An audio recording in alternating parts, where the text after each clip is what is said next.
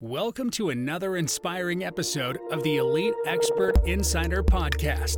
Hosts Melanie Johnson and Jenn Foster are the owners of Elite Online Publishing. They're both Wall Street Journal, USA Today best-selling authors. We're really glad you're here because this podcast was designed for you. Meet industry experts that share their secrets and strategies. Get successful results for your business in money, relationships, health, and your life. Each episode is going to inspire you to take action towards reaching your greatness. Hey everyone, welcome. It's Melanie Johnson, co owner and founder of Elite Online Publishing, along with my business partner, Jenn Foster. Hey, Jenn. Hey everyone, how's it going today? Good. So, we have a great show. I just want to tell you, you know, sometimes in the business world, we all get caught up in making money, which, you know, we have to feed our kids and we've got to make a living and uh, make sure we pay our employees.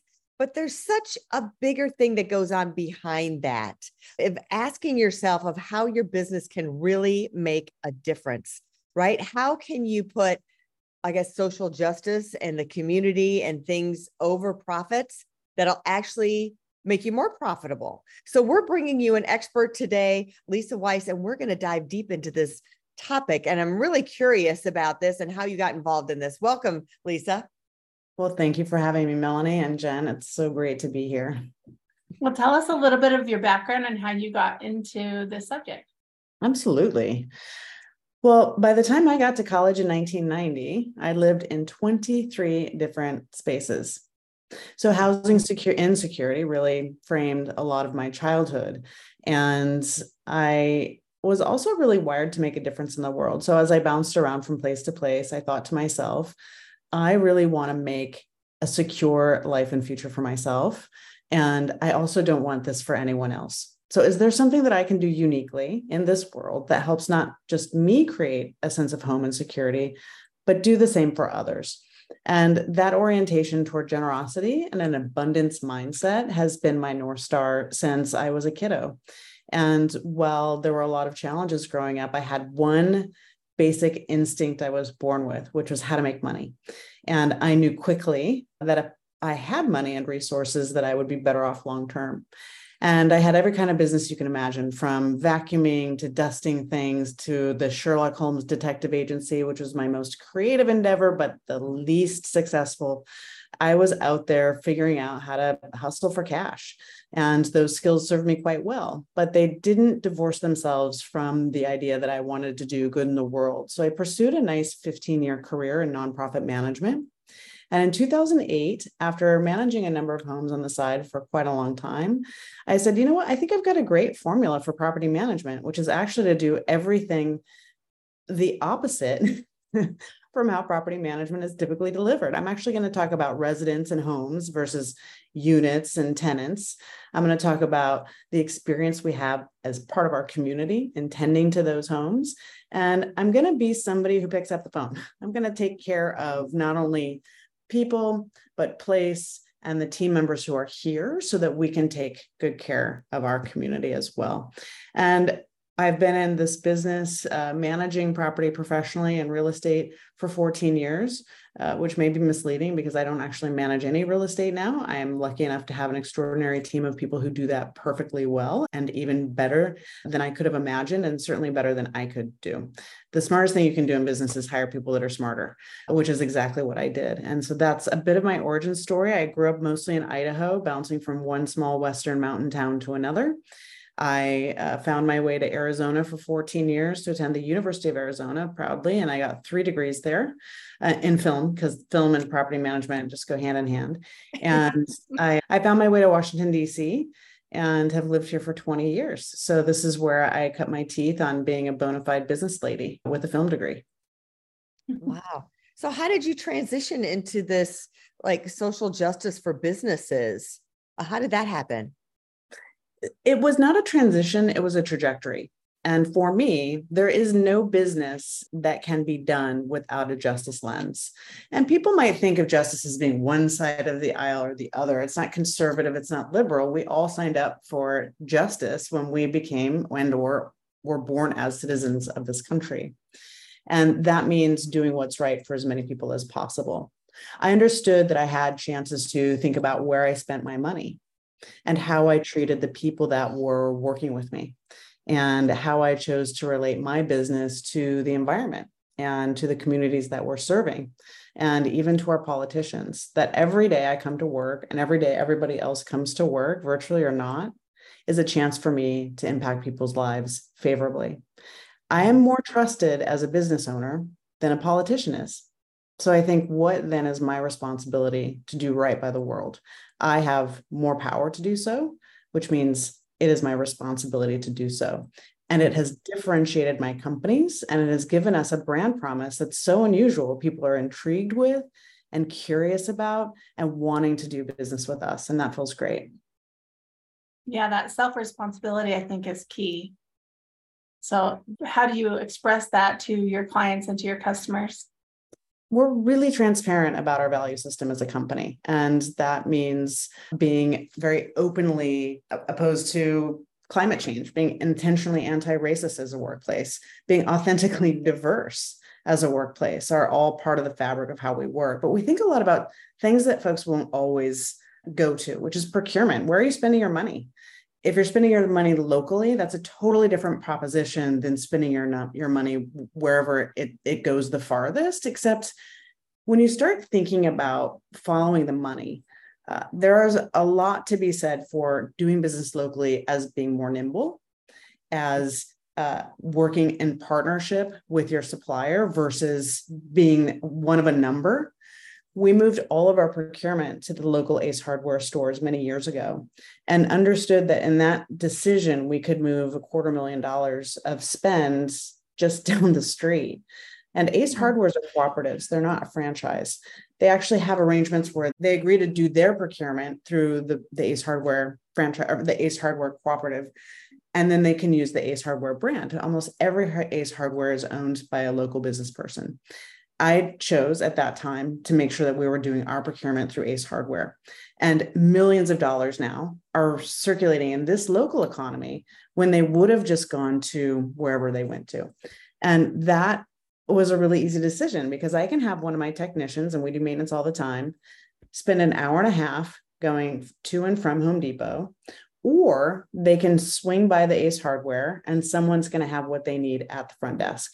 The opportunity cost is so high when you're thinking about when you're not thinking about creative consumption and creative procurement. That's a very practical and tangible way of saying, can I do good and save money at the same time and time?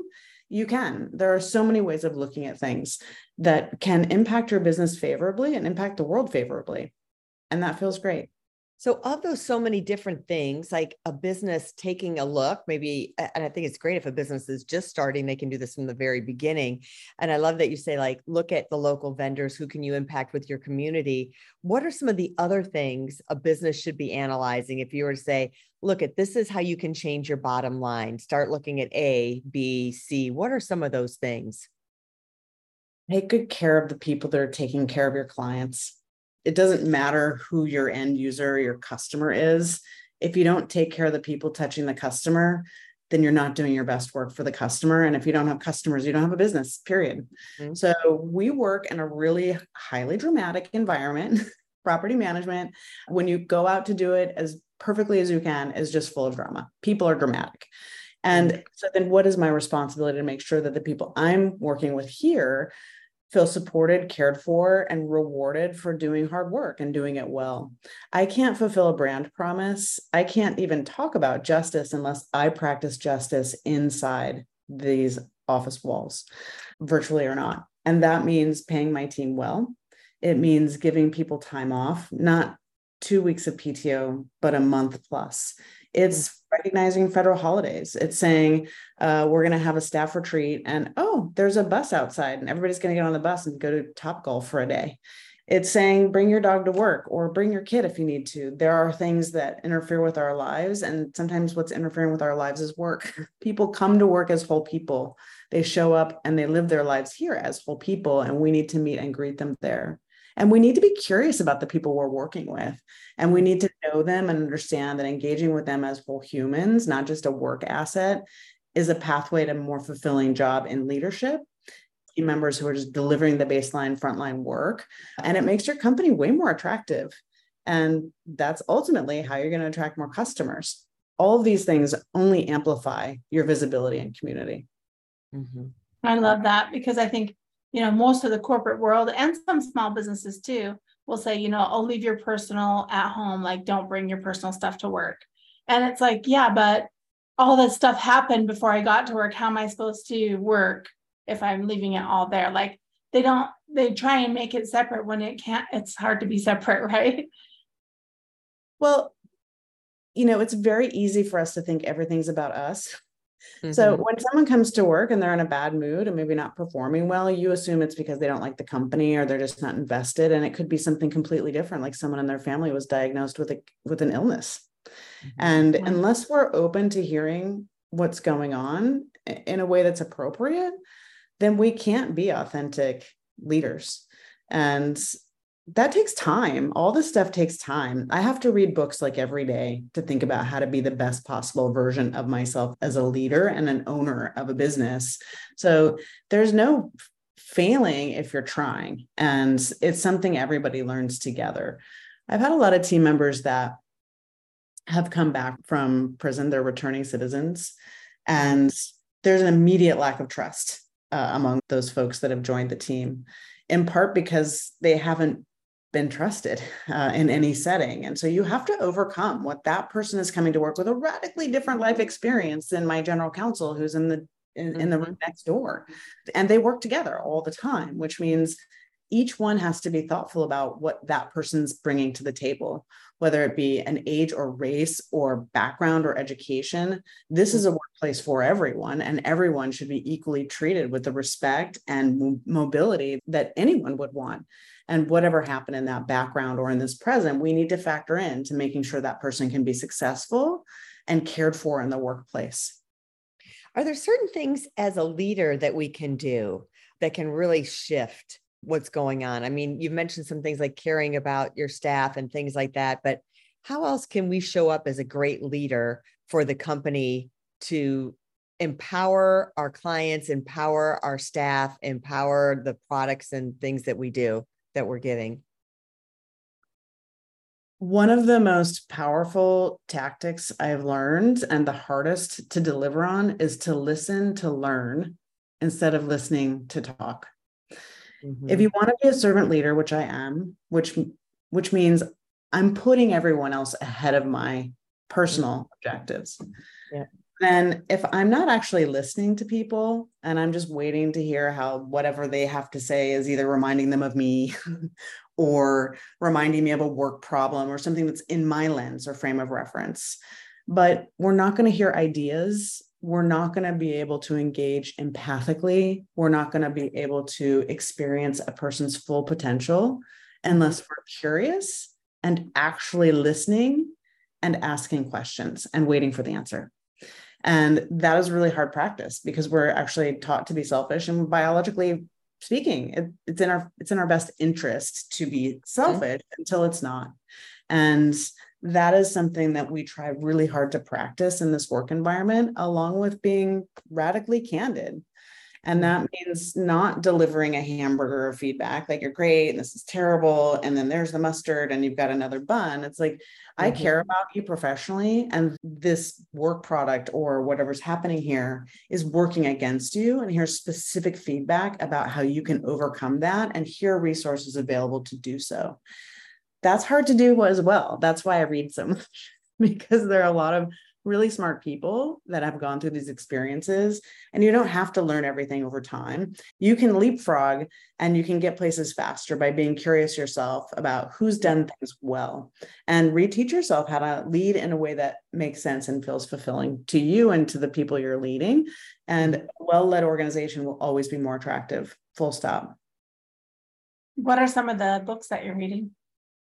Oh gosh, How to Never Lose a Customer. Joey Coleman is a really mm-hmm. great writer. Power of Habit by Charles Duhigg. We read a lot of books on EOS. It's a good model for us in terms of our operational system that we use.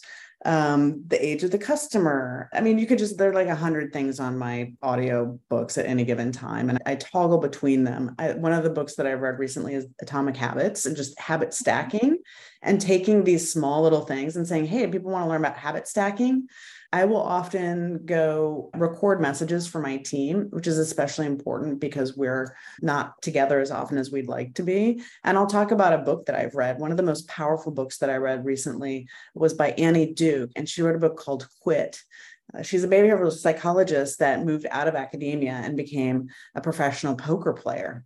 And so calculating what we've what those sunk costs versus future potential is really challenging for the human psyche. And that book gave me a lot of frame of reference for why quitting is moving on to something new, not necessarily leaving or failing at what you didn't do well at.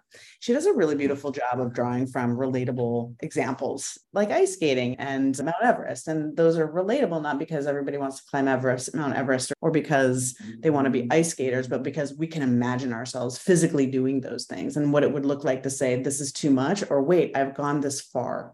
And so I have to keep going when you know that's never going to be a good decision, we are just wired to keep moving. And her book did a really good job of helping me frame some decisions for myself.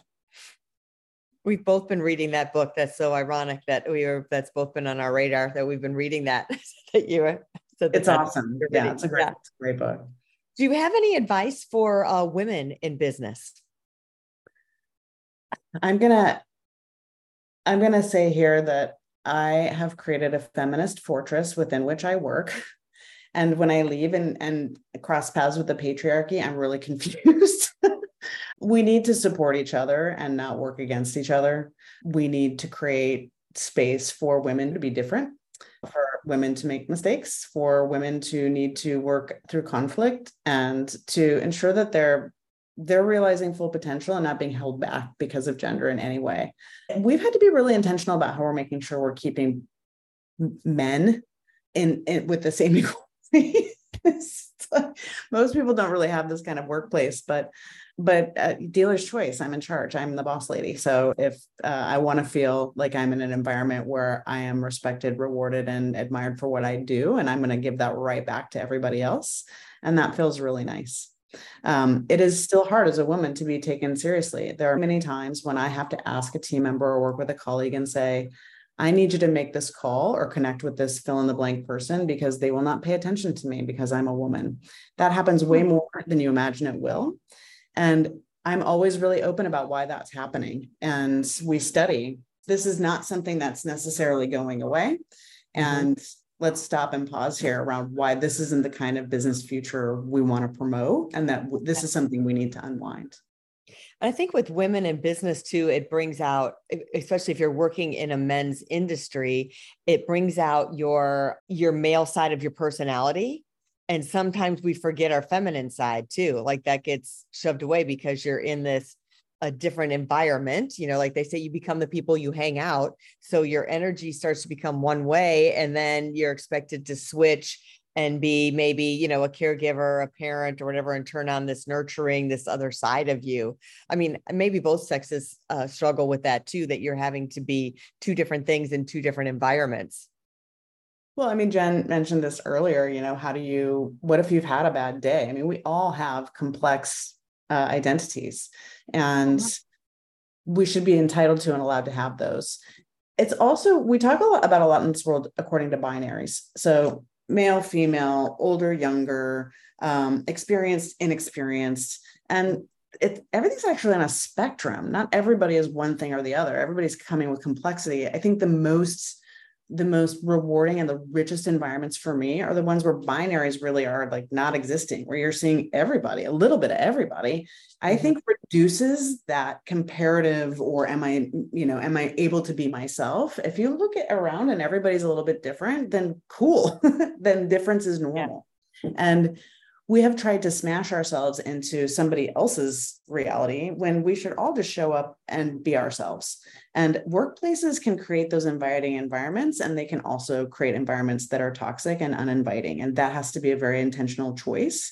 People talk a lot about diversity. We keep looking, but we can't find anybody that can fill this seat. I'm like, just look harder. You're not looking as hard as you need to. And there are people out there that can do the work, and there are fewer restrictions than ever before with a remote environment. So mm-hmm. Th- that diversity, authentic diversity, where you have young people, older people from different kinds of backgrounds, it really does break down those binary assumptions that we make about each other and feeling like you're boxed in.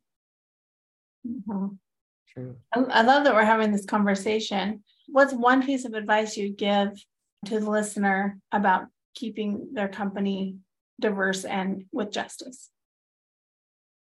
You need to be thoughtful about your hiring practices, your management practices, the conversations you're having in a workplace. You have to ask your team if they're in an environment that feels good and rich and supportive and you have to audit what you're doing.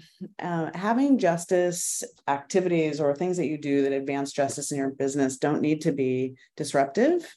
They can be completely compatible with what your objectives are as a company. I mean look at impossible foods. Talk about justice. That's food justice. And they're making mad money. If you're looking at what you're doing from the perspective of like how does this actually make change in the world and you can make change in a million different ways. There are so many people look at property management as occupancy and margin. And I look at it as at it as the privilege of helping people have a good home and a mm-hmm. dignified life. And I get to be part of that, as does every single person in my company. And so that's something you get to do. You go to work, you think about the property manager that goes to work, the boss makes all the cash they check the answering machine a couple times a week. It's old school. There's no rewarding. It's like one owner and that's it. Like, what kind of service are you going to get there? And how attractive is that company versus one where they're like, oh, I'm lucky I get to be able to take care of people in their homes. That's a night and day experience, which means your company is going to be night and day. Yeah. And it's really not that hard to differentiate yourself. Justice is one way to do that. And justice can come in a million different ways. Climate justice. You could be a um, you could be a dry cleaner and have a company that differentiates itself and then does good. You could have a dry cleaning design where you say, dry clean less, but do it better. And our dry cleaning system means you don't have to spend as much and you don't have to, and we don't need to use as many chemicals because you don't have to dry clean as often. Imagine that business model but people will relate to that and say oh better value less impact that's better for me. And you're there and charge more. People will pay more often to spend with their values. So how you're showing up in that way will both i think enhance a team experience and also attract and delight your clients I think, you know, well said. It's really the mindset and the words that how you position yourself and along with the actions. So great interview today. Thank you, Lisa, for coming. Where can people find you and get more information? Uh, if you'd like to follow me, you can go to meetlisawise.com. Awesome. We'll put that link up in the show notes. Awesome. Thank you so much. What a great conversation. Yeah, thanks for coming today. If anyone's looking to write a book, reach out to us at eliteonlinepublishing.com and hit that author submission button. We guarantee we make our authors number one bestsellers. We'll see you next time. Have a great week, everybody. Bye-bye. Bye. Hey, are you looking to increase your revenue, build credibility, and elevate your brand? This podcast is brought to you by Elite Online Publishing, an innovative publishing and full spectrum marketing company. They will publish and market your book to make it a number one bestseller.